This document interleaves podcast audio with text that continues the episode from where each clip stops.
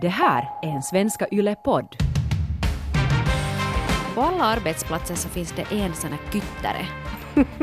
Ja, absolut. Jo, det är lite så att titta på klockan just om man går på kaffe. Jaha, ser du, nu var hon fem minuter för länge på kaffepauserna. De gör det inte medvetet. Nej, det tror jag inte. Eller så gör de det medvetet. Ja.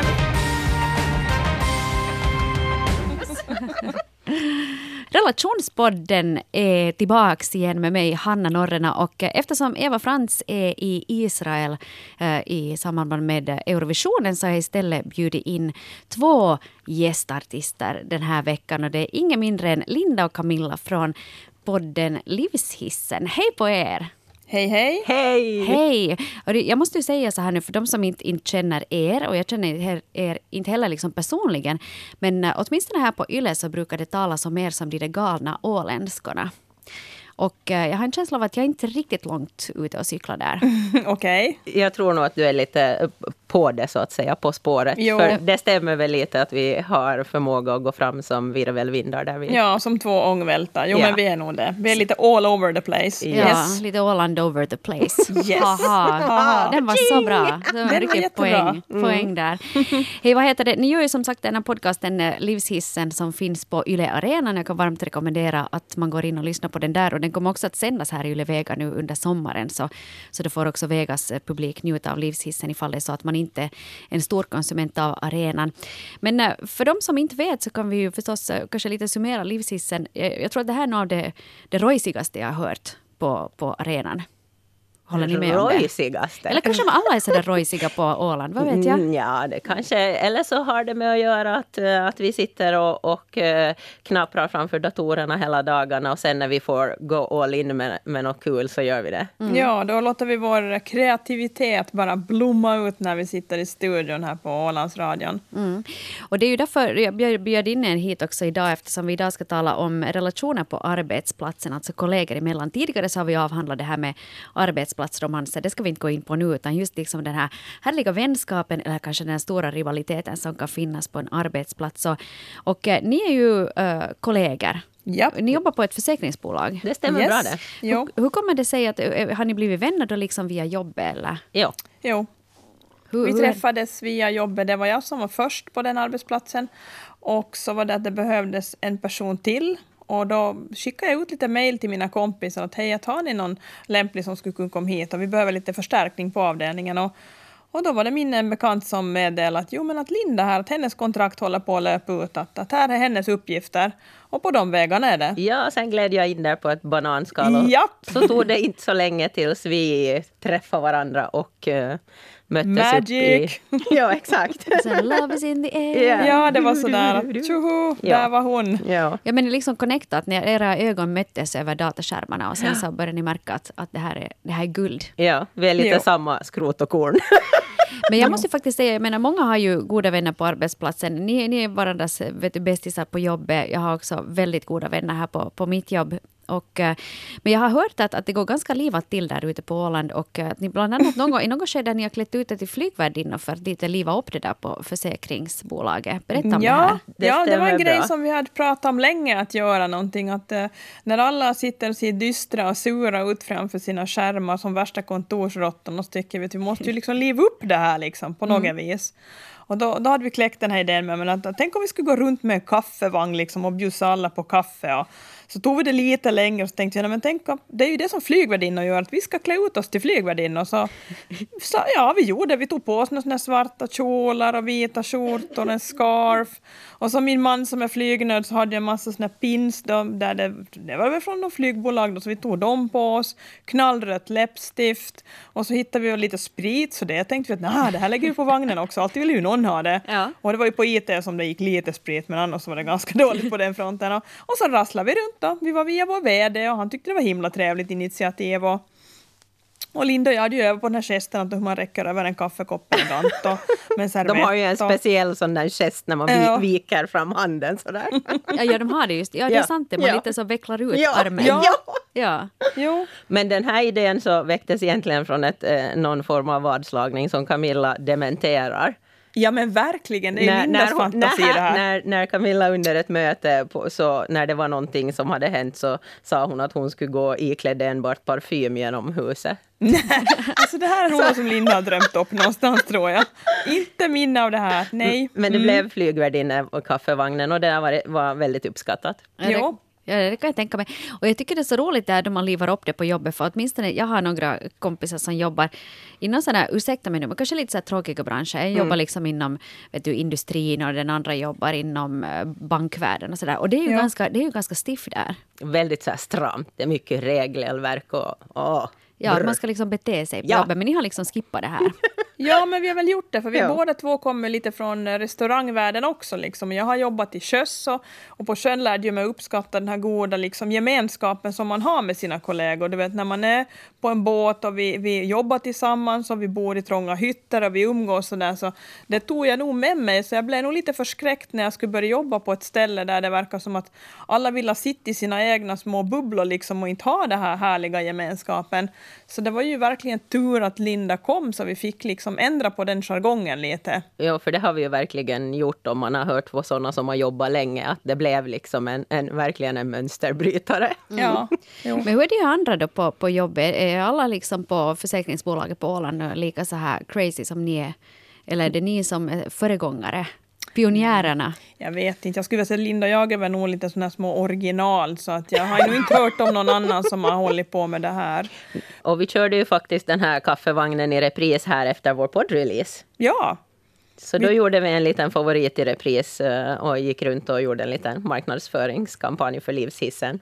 Jag tycker det här är någonting som, nu hälsningar till alla där ute i hela Svenskfinland, kanske det här skulle kunna vara någonting som, som alla kan anamma på sin egen arbetsplats. Vet du, man kör en sån här en liten kaffevagn alla livshissen. ja. Yes, det kommer att uppskattas. Men hörni, eh, Linda och Camilla, jag måste ju fråga er också, vet du, om, om vi nu ser på det här lite djupare, jag menar, ni, ni är ju roliga, härliga kvinnor och sådär, men, men vad betyder er, liksom er vänskap på, på jobbet? Va, vad, vad ger den er?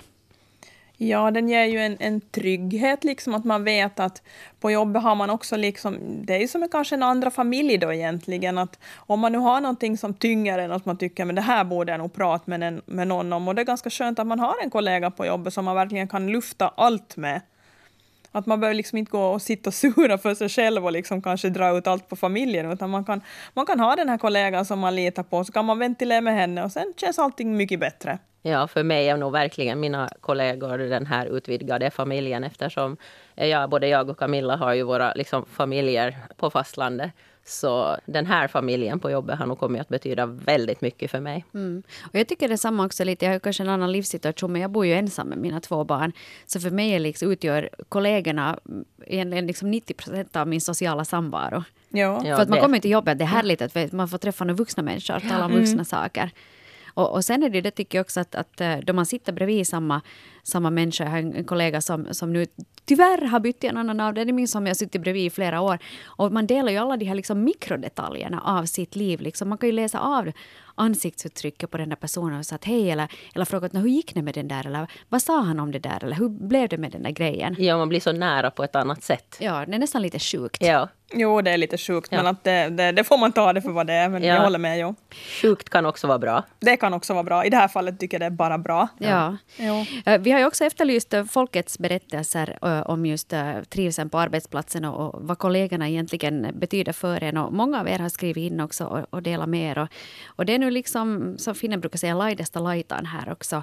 Och jag tänkte vi skulle kunna ta och, och titta på några av de här berättelserna lite och, och, och, och se vad folket tycker egentligen. Och vi kan ta och inleda här fast med eh, signaturen Bella29 som skriver så här. Mina arbetskompisar är de bästa som finns. Vi jobbar inom vården och tillbringar väldigt många helgdagar och kvällar tillsammans. De är som en andra familj. Vår speciella humor gör att vi tar oss igenom allt tillsammans, skift efter skift. Utan alla de här fina människorna så vet jag inte hur jag skulle klara mig. Det här låter ju lite som, som samma som vi intygar här också. Ja, det här låter helt ljuvligt. Men verkligen. Och, och här tror jag mycket det kommer från det som också Camilla nämnde, att eh, hon har jobbat till sjöss och det är den här, liksom att man jobbar helger och kvällar och alla de här tiderna som kanske, vad ska vi säga, vanliga människor eh, är hemma med sina familjer. Och därför blir det en sån här speciell gemenskap också som man delar. Och det tror jag vi båda från våra restaurangliv har tagit med oss in på vårt försäkringsbolag. Mm. Jo, det tror jag. Att hur tungt det än må vara den där kvällen, men bara man vet att liksom man har gängen som backar upp en och, och att de finns där så gör att man liksom klarar av det. Allihopa går åt samma håll. Och liksom man, är, man är ett gäng, liksom. ingen, ingen är bara med sig själv och, och, och med sitt, utan man, är, man gör det tillsammans. Mm. Jo. Sen kan det också bli lite, mm, vad ska vi säga, åt, åt, lite för mycket av det goda. Om vi säger så. Om vi, vi tittar här på vad signaturen C45 har skrivit in. Uh, hen skriver så här att idag är jag egenföretagare och trivs med det. Tidigare var jag irriterad på att man spenderar åtta timmar per dag med arbetskompisar fem dagar i veckan och cirka fem timmar per dag med familjen. Det vill säga att den som du valt att spendera ditt liv med kommer i skymundan. Sen ska man också vara med på bastukvällar och åka på arbetsresor och sånt som man inte har valt att vara med om. Jo, vissa kollegor var ju trevliga men vi umgås inte och vi jobbar ihop. Varför ska jag vara med med dem än jag måste? Nu är jag istället ensamföretagare och då har jag bara mig själv att klaga på och kunderna håller mig sällskap på dagarna. Så där var det kanske det var lite mycket av, av det här kollegiala samvaron. Och sen kanske det är förpliktelsen också att man, att man förväntas på något vis vara tillgänglig hela tiden. Mm, jo, mer och mer är det ju så i vårt samhälle också när man ser på, på kollegorna att det, det är inte bara liksom på arbetstid du ska vara nåbar utan även på din fritid. Och det kan ju bli ett riktigt stressmoment för många nog. Mm. Och sen att man ska vara så himla trevlig på jobbet.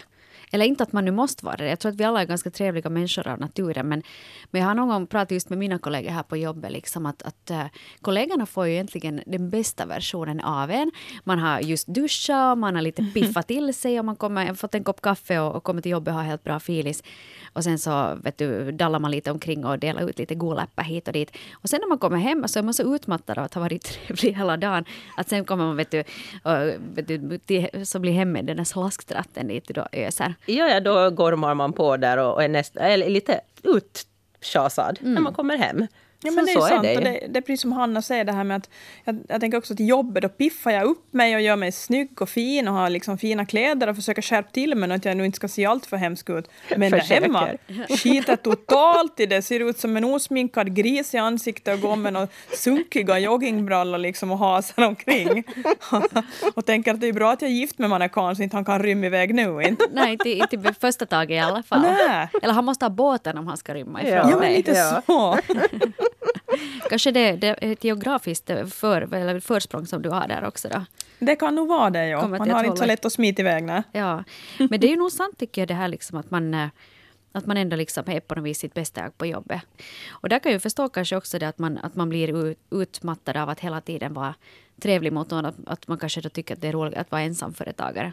Som den här personen skriver. Jo, det kan jag nog förstå också. Och jag har det här att eh, jag tycker att jag är väldigt social när jag är på mitt jobb också. Att när jag kommer hem så då umgås jag helst bara nog med mina barn och min man. Att jag har inga det här behovet mer av att liksom umgås ytterligare. Och det där kanske inte alla mina kompisar riktigt är med på. De tycker att då borde man hänga ytterligare. Men jag är sådär att då är jag ganska nöjd med det här liksom umgänge jag fått med mina kollegor. Mm. Då det känns det skönt att vara själv hemma eller med, med, barnen och familjen och bara ta det lugnt. Och jag fortsätter ju gärna direkt jag kommer hem bara kolla läge hemma. Vad är det för läxor? Vad ska det lagas för mat? Ska det lagas mat? Klarar de sig själva? Och så drar jag gärna iväg på någon träning. Mm. Och det är också en form av socialt sammanhang. Liksom. Mm. Så jag, jag, jag, tycker nog att det jag, jag avlöser nog gärna arbete och den sociala tillvaron med en, med en annan nivå av social tillvaro på min fritid. Ja, du är så supersocial då, på det sättet? Ja, mm. jag skulle väl nog kunna skriva under på den. Ja, ja men det, det tycker jag. Mm. Och det beror ju lite på förstås vilken bransch man är i också. Som sagt att, att ni jobbar på försäkringsbolag. Vi har jobbat här i ett, ett stort öppet landskap. Man kommer inte heller liksom undan någon människa. Men sen fast att om du jobbar med någonting där du är ensam eller väldigt isolerad så är det förstås en helt annan sak. Ja. Jo, det mm. tror jag, när man är, om man är egenföretagare. Jo. Ja.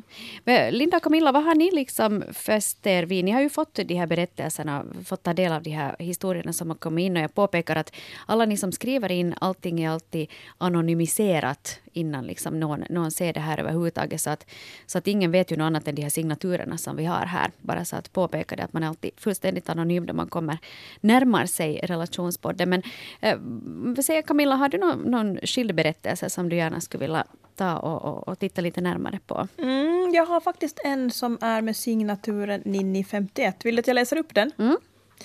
Jobbar inom vården och på vår arbetsplats ska alla jobba tre skift, alltså morgon, kväll och natturer. Men det fungerar inte. Har en ansvarig person som lovar att dela ut turerna så att vissa slipper jobba natt och så lite kvällar som möjligt och det skapar orättvisa. Hon som är ansvarig bemöter oss dessutom på olika sätt. Hon ropar och skriker åt det som har gjort något fel och pratar illa om det som hon inte tål. Men hon, har hon själv gjort något fel så är det ju helt okej. Okay. Man är ju bara människa, säger hon. Upplever henne som oberäknelig, vet aldrig var man har henne. Några har slutat jobba på vår arbetsplats på grund av hennes beteende. Tycker det är synd att en ledare som hon får styra och ställa förstör stämningen på en arbetsplats som är inom ett väletablerat organisation där mobbning motarbetas på papper men inte i verklighet. Den här tyckte jag slog an lite för att jag tycker det är så synd det här just med att, att chefer borde liksom ha det här kriteriet också att de ska kunna vara en god ledare åt sin eh, personal och ta hand om dem och verkligen se till att personalen trivs. För trivs personalen så då har du ju en välmående organisation, en välmående avdelning och det är ju lite A och O faktiskt. Mm. Och verkligen, jag tycker åtminstone, här var nu vad Ninni 51 skriver, så det låter ju, det låter ju som mobbning. Och, och det låter lite som att man vet, fryser ut och favoriserar någonting som ju absolut inte borde vara eh, någonting som en chef sysslar med. Nej, det jag tycker det låter... Jag blir lite ledsen när jag läser och Ninnis, eh, vad hon har skrivit, det här brevet hon har skrivit faktiskt. Mm, ja, man, man blir faktiskt lite deppad. Och sen tycker jag också just det här som, som, som jag kanske också tycker att man stöter på ibland, det här med att man lägger upp fina såna olika styrdokument. Hon skriver att mobbing motarbetas på pappret men inte i verklighet. Och det är liksom väldigt fint att ha dokument som man kan visa på att jo, så här har vi ett dokument där vi säger att mobbing inte ska förekomma, men att det inte appliceras. Mm. Det ja. är väldigt tragiskt. Ja, att man inte tar tag i det. För här verkar det, jag menar knappast är det nu bara Ninni 51 som har lagt märke till det att hej, att vissa behöver aldrig jobba, jobba natt eller kvällsskiften. Nej. Att säkert är det många andra också. Jo, Helt jag. säkert. Jag tror jo. inte hon är ensam i, i det här på sin arbetsplats. Det låter inte så, men det gör ju inte saken bättre. Men vad kan man göra i en sån här situation? Jag menar, det är ju svårt förstås att du är arbetstagare att, att liksom gå till chefen och, och, och säga ifrån eller klaga. Hur ska man kunna liksom ta upp det där? För att, jag menar, det här kan ju inte fortgå. Den där chefen borde ju bli petad tvärt, mm. tycker jag. Men jag menar, som arbetstagare man kanske är rädd, man kanske är på ett kontrakt som kan ta slut eller man kanske blir uppsagd eller man kanske får ännu sämre skiften om man börjar liksom marra. Ja, man kan ju straffas liksom av det. Så hon mm. har kanske vägt det här att hur, hur ska jag gå tillväga men, men mm. kommit fram till då att, att hon inte säger någonting. Men, men vad det låter när man läser brevet så kanske det skulle vara ett tips att ändå kanske lyfta katten på bordet. Mm. Det tror jag nog. Eller kanske samla ihop eh, gänget lite, fråga runt lite där vid kaffeautomaten. hur är det med dina skiften här nu närmaste tre veckorna? Att, att känns det rättvist? Eller kanske man skulle kunna göra någon sån här skrivelse. Vet du, som att, att vi, eller gå som en grupp. För ibland är det ju svårt att vara den enda som, som tar upp någonting som är obekvämt. Mm. Det kan vara det bästa. Skulle kanske vara försöka få igång en diskussion runt, runt kaffebordet då, där man kanske kan drifta det här lite smått och se om det är någon annan som känner kanske likadant. Ja, om de skulle få ihop ett lite större gäng som har råkat ut för samma sak och känner att hej, men det där hände ju mig också. Ja. Ja, jag tror nog, någonting måste man göra åt det i alla fall, för så där kan det ju inte vara. Och, och sen kanske också att, åt alla chefer där ute vi vet var ni bor. Nej, liksom. Var ni jobbar i alla fall. Nej, men, men, man måste komma ihåg det där liksom att, att, man tror ju ibland att man kan komma undan med grejer. Men man gör ju inte, sista slutligen. Sanningen kommer ju alltid fram förr eller senare. Och sen liksom att om man beter sig illa på en arbetsplats som chef, då, fast att man är orättvis eller någonting, så, så kom ihåg det där att folk pratar ju skit om dig liksom bakom din rygg. Att ingen, det går ju sällan liksom obemärkt förbi om någon beter sig illa.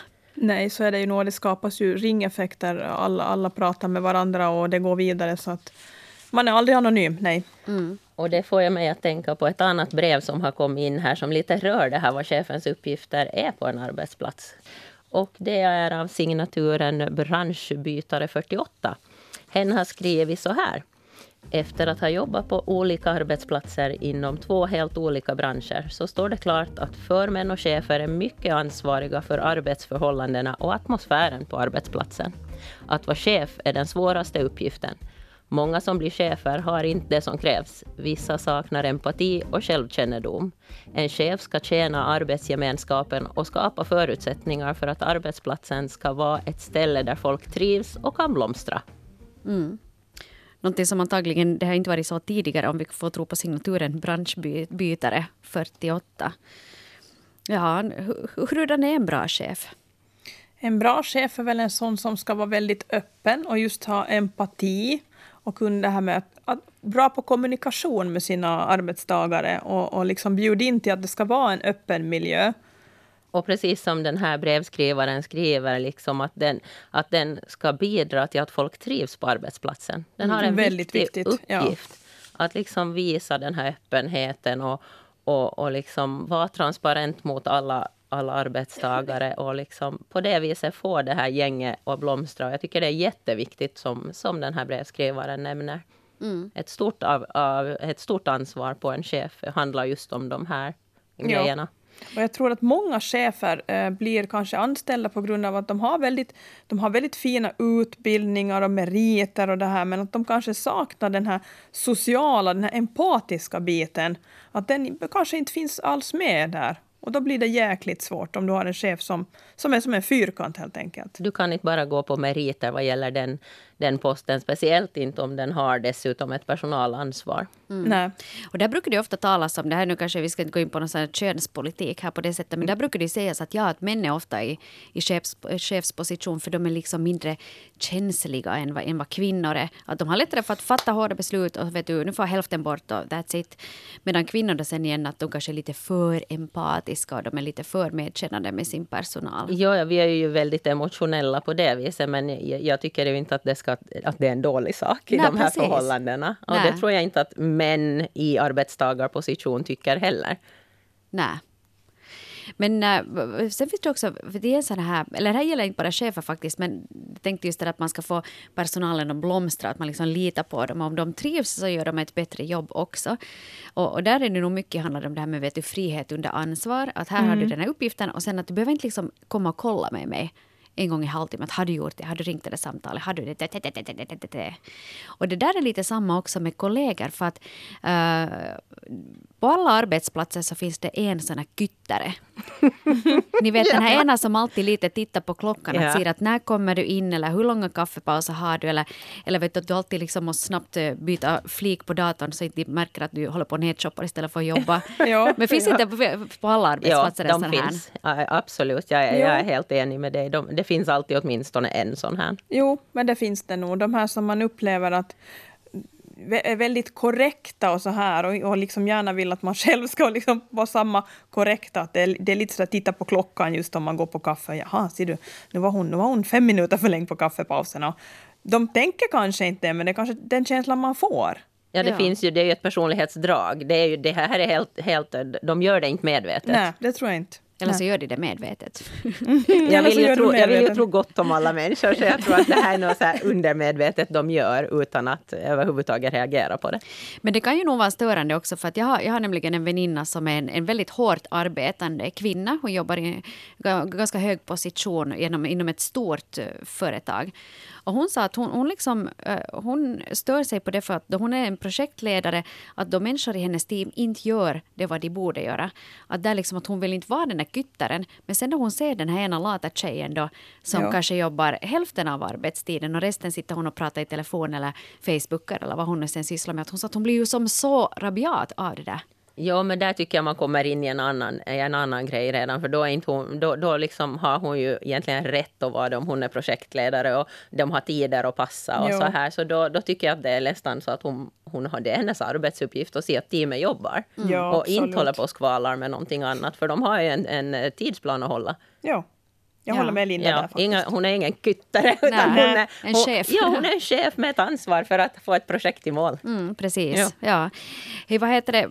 det? Några har också skrivit om det här just med, med då man inte kommer så jättebra överens eller då det är liksom skvaller eller man kanske liksom, liksom lite, lite baktalar någon. Det här var en som skrev om att... eh, nu ska jag se vad det var. Ja, signaturen L23 skriver eh, så här.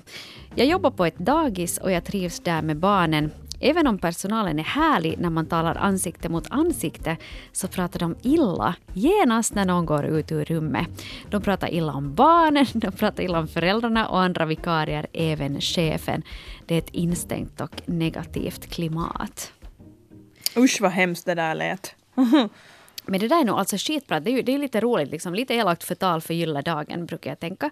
Ja. Men, men då är det ju att det måste göras lite sådär med kärlek och ändå liksom på ett schysst sätt. Vet ni? Sådär, det är ju inte så att du, du verkligen liksom saboterar för någon. Att, Nej. att lite skvaller kan man väl nog, nog liksom göra. Men, men just det här att, att man, eh, att man alltid, att det känns ganska fake. Att du, du är jättetrevlig, oj vad roligt, oj vilken fin tröja du har och det är nog så härligt. Och sen att man ändå liksom märker att, att det här är en sån här skitpratare. Och det gäller inte bara på jobbet, det gäller på andra ställen också. Jo, i alla miljöer finns Ja, att om du har en sån här kompis som alltid talar skit om någon så antagligen talar de skit om dig också. Du inte är där. Jo, men så är det ju. Man får nästan räkna med det. Men det som gör mig också lite berörd av det här, är- och jag vet, jag lyssnar ju på den här podden då, han- och där pratar ni ju väldigt ofta om också dagispersonalen och hur högt aktade de är. För de är ju det, de tar hand om barnen när inte vi gör det. Vi hyllar dem alltid. Ja, ja. I relationspodden hyllas alltid dagispersonalen. Ja, och skolpersonalen. Och, och skolpersonal. och vårdpersonalen. Ja, och därför blir jag lite ledsen när jag läser det här nu. Mm. För att det berör ju oss alla föräldrar och, och tänker att oj nej, de pratar om det och det och det. Så man blir lite, man, alla blir lite, man blir lite berörd helt enkelt. Jag blir lite paranoid jag börjar Ja. tänka att vad månne de talar skit om mig. Ja, Säkert finns det både ett och annat. ja, ja no, men alltid hittar de något. Ja. Om inte det finns så. Men samtidigt, jag brukar nog vara väldigt trevlig mot dem också. Så jag kanske vet du, det anfall är bästa försvar. Då det kommer till att värja sig Ja. mot skitprat bland eh, skol och dagispersonalen. Jag Mm, hoppas att det här är verkligen ett undantag. Mm. Ja, men dagis är ju också som en arbetsplats. Så vi måste tänka på att där har de samma issues som vi har. Det Ja, finns någon som absolut. sitter och pratar skit och någon som kollar om någon är för länge på kaffe. Och, Ja. och, ja. Hörrni, jag skulle ännu vilja ta upp ett, eh, ett brev här som jag tycker att det är... Ja, det, det är lite jobbigt, men jag tycker att vi skulle ändå kunna tala om det. Det är Britt-Marie som har skrivit om en situation på jobbet eh, där det verkar vara som att det finns en stor elefant i kontorslandskapet. Britt-Marie skriver så här. På mitt nuvarande jobb finns en alkoholist och alla vet det, men ingen gör någonting. Eller ingen vågar göra någonting eftersom personen är chefens favorit. Och det här skapar orättvisa på jobbet. Personen kommer och går hur som helst och har egna tider. När detta togs upp sa den alkoholiserade kollegan att vi kränker och mobbar hen. Hmm. Själv talar hen illa om vissa personer, fjäskar för chefen, fy katten vilken loser. Så här skriver alltså Britt-Marie. Och um, spontana tankar på det här? Mm, det låter som att Britt-Marie har nog en rejäl tagg i sidan också till den här personen. För man vet ju aldrig vad den här alkoholiserade kollegan har för bagage själv. Det kan ju vara något annat som trycker där också. Mm. Och i första hand borde man ju hjälpa när det är ett sånt här bekymmer på arbetsplatsen att det är alkohol med i bilden. Så jag vet inte, kanske Britt-Marie borde försöka ta upp till diskussion med den här personen direkt. Mm. Eller sen kanske försök, vi var tidigare inne på det här i de tidigare breven om chefens uppgift. Och eh, här, är, det här klarar ingen av de här personerna kanske alldeles ensam, utan här är ju flera inblandade och, och en alkoholist kanske inte vet sitt problem. Mm. Precis. Upplever det inte som ett problem, utan det måste någon utifrån eh, berätta och eh, kanske chefen här då tar sitt ansvar och de som en grupp Mm. försöka Sant. hjälpa den här personen. Ja, jag Ja. tror absolut på det där liksom att, att våga, våga ta tag i det. Sen kan det ju, tror jag, där också i en så här pass känslig situation, är det nu sen något mi- missbruk eller någonting annat, någonting som känns väldigt privat, att man kanske som en kollega känner att, att det, här, det är inte min plats att, att liksom säga någonting om det här. Men samtidigt, det här är ju lite samma att om det nu stör jobbet och just det här att den här personen blir favoriserad och andra hamnar och lider, så då är det ju någonting som en chef säkert bör ändå ta, tag i på något sätt. Och Jo. ju förr desto bättre för när- om man läser det här brevet för katten vilken loser. Nu vet jag inte om det är chefen eller personen med alkoholproblem som hänvisas till men, men det känns också som att har, har personen i fråga faktiskt ett alkoholproblem eller något annat missbruk så, så gör det kanske inte honom eller henne till en loser utan den skulle behöva hjälp. Ja, det tror jag. Det är chefens ansvar att ta tag i Och situationen. den kanske saknar en god kollega som tar, tar tag i, i personen och säger att nu är det dags att vi gör någonting. Ja, och det där är ju samma just att, liksom att hela... Att, det blir kanske just det där att om, om någon blir favoriserad, det är kanske det som det mera handlar om. Att man känner att det, folk behandlas olika här Ja. på det här. Att vissa kommer undan med någonting medan någon annan inte kommer undan med någonting överhuvudtaget. Mm. Hej Linda och, och Camilla eh, från podden Livshissen. Jag tänkte att vi skulle kunna ta och, och gaska upp oss lite här nu då, vet ni, på, på slutrakan i, ert, i vårt specialavsnitt med, med Ja. er. Och um, prata lite om den här gemenskapen. Vi har talat ganska mycket om chefer och det, ganska många har faktiskt varit missnöjda med sina chefer. Och även sjukskötare 40 skriver att uh, chefen är överarbetad och sköter inte sitt jobb. Men mina kollegor, de är superhärliga, roliga, stöttande människor som jag gärna umgås med på fritiden. Har både manliga och kvinnliga kollegor. Vår WhatsApp-grupp plingar hela tiden med allt från trädgårds och gymbilder till sex, memes och djupa känslodiskussioner. Love them! Och det där, man kan ju inte annat än hålla med där egentligen. Nej, det, jag tycker den är helt ljuvlig. Okej att chefen överarbetar och inte sköter sitt jobb, men om man lite skippar det, Ja. den frasen och går, går in på resten, så, så det är ju det som håller det här gänget sammansvetsade och att de gör ett toppenjobb. För att de tillsammans, så, de har den här gemenskapen, de, de har massor med annat som de pratar om även utanför arbete och de har den här gruppen och jag tycker det här är helt ljuvligt. Jag blir riktigt glad. Jag ler från öra till öra när jag läser det här brevet. Jo, det är jättebra. Just när man känner att chefen är kanske inte alls närvarande och syns inte till utan sitter och ja, är helt enkelt och överarbetad. Att, men ändå att personalen gör det bästa av situationen och de har som ett härligt team verkligen med fin sammanhållning och det gör ju att arbetet blir så mycket roligare. Och där tror jag nog att, att liksom, som avslutning här, att, att, vi, att vi alla kan ju ta vårt ansvar då vi går till jobbet. För, eh, vet du, som att man, att man själv kommer in med en, med en god filis och en Jo. bra känsla. Att du går inte dit till möte för att skjuta ner allas idéer. Utan om du är oense med någonting så kan du ju kanske komma med en bättre idé själv eller hylla den. Vet du, men att man ändå har liksom en, en positiv inställning på jobbet. För det kan ju hända att säkert är det många som lyssnar nu på det här som är den där kyttaren eller den där marraren eller den där eländiga chefen. Så Ja. kanske vi alla kan ta oss en liten titt i spegeln och se att, att vad kan vi göra? Ja, alla, alla, alla har vi ju vårt eget ansvar på arbetsplatsen och, och se till att det är den miljö som du själv vill vistas i hela Ja. dagarna. Mm. Och jag tror också att om man själv kan bidra med så små saker, jag brukar försöka tänka på att jag ska försöka att gå, no, inte nu idiotle, men att jag ska försöka i alla fall le istället för att jag går omkring och ser sur ut. Och sen har jag försökt ett tag att jag alltid, varje dag skulle ge någon fin kommentar till någon kollega. Det kunde vara liksom att oj vad fin i håret du har du varit i frissan eller men gud vad snygg den där kavajen är. Liksom alltid sådär, för då ser man liksom hur det peppar dem, hur de blir nöjda för att de känner sig lite sedda också. Och det här är vi i, lag, eller i regel i Finland lite dåliga på. Ja. Och kom, ge komplimanger åt varandra. Så det tycker jag nog att alla kan ta till sig av. Lite tips från Åland som Ja. ändå är halvvägs till Sverige Ja. där du är bättre på det här.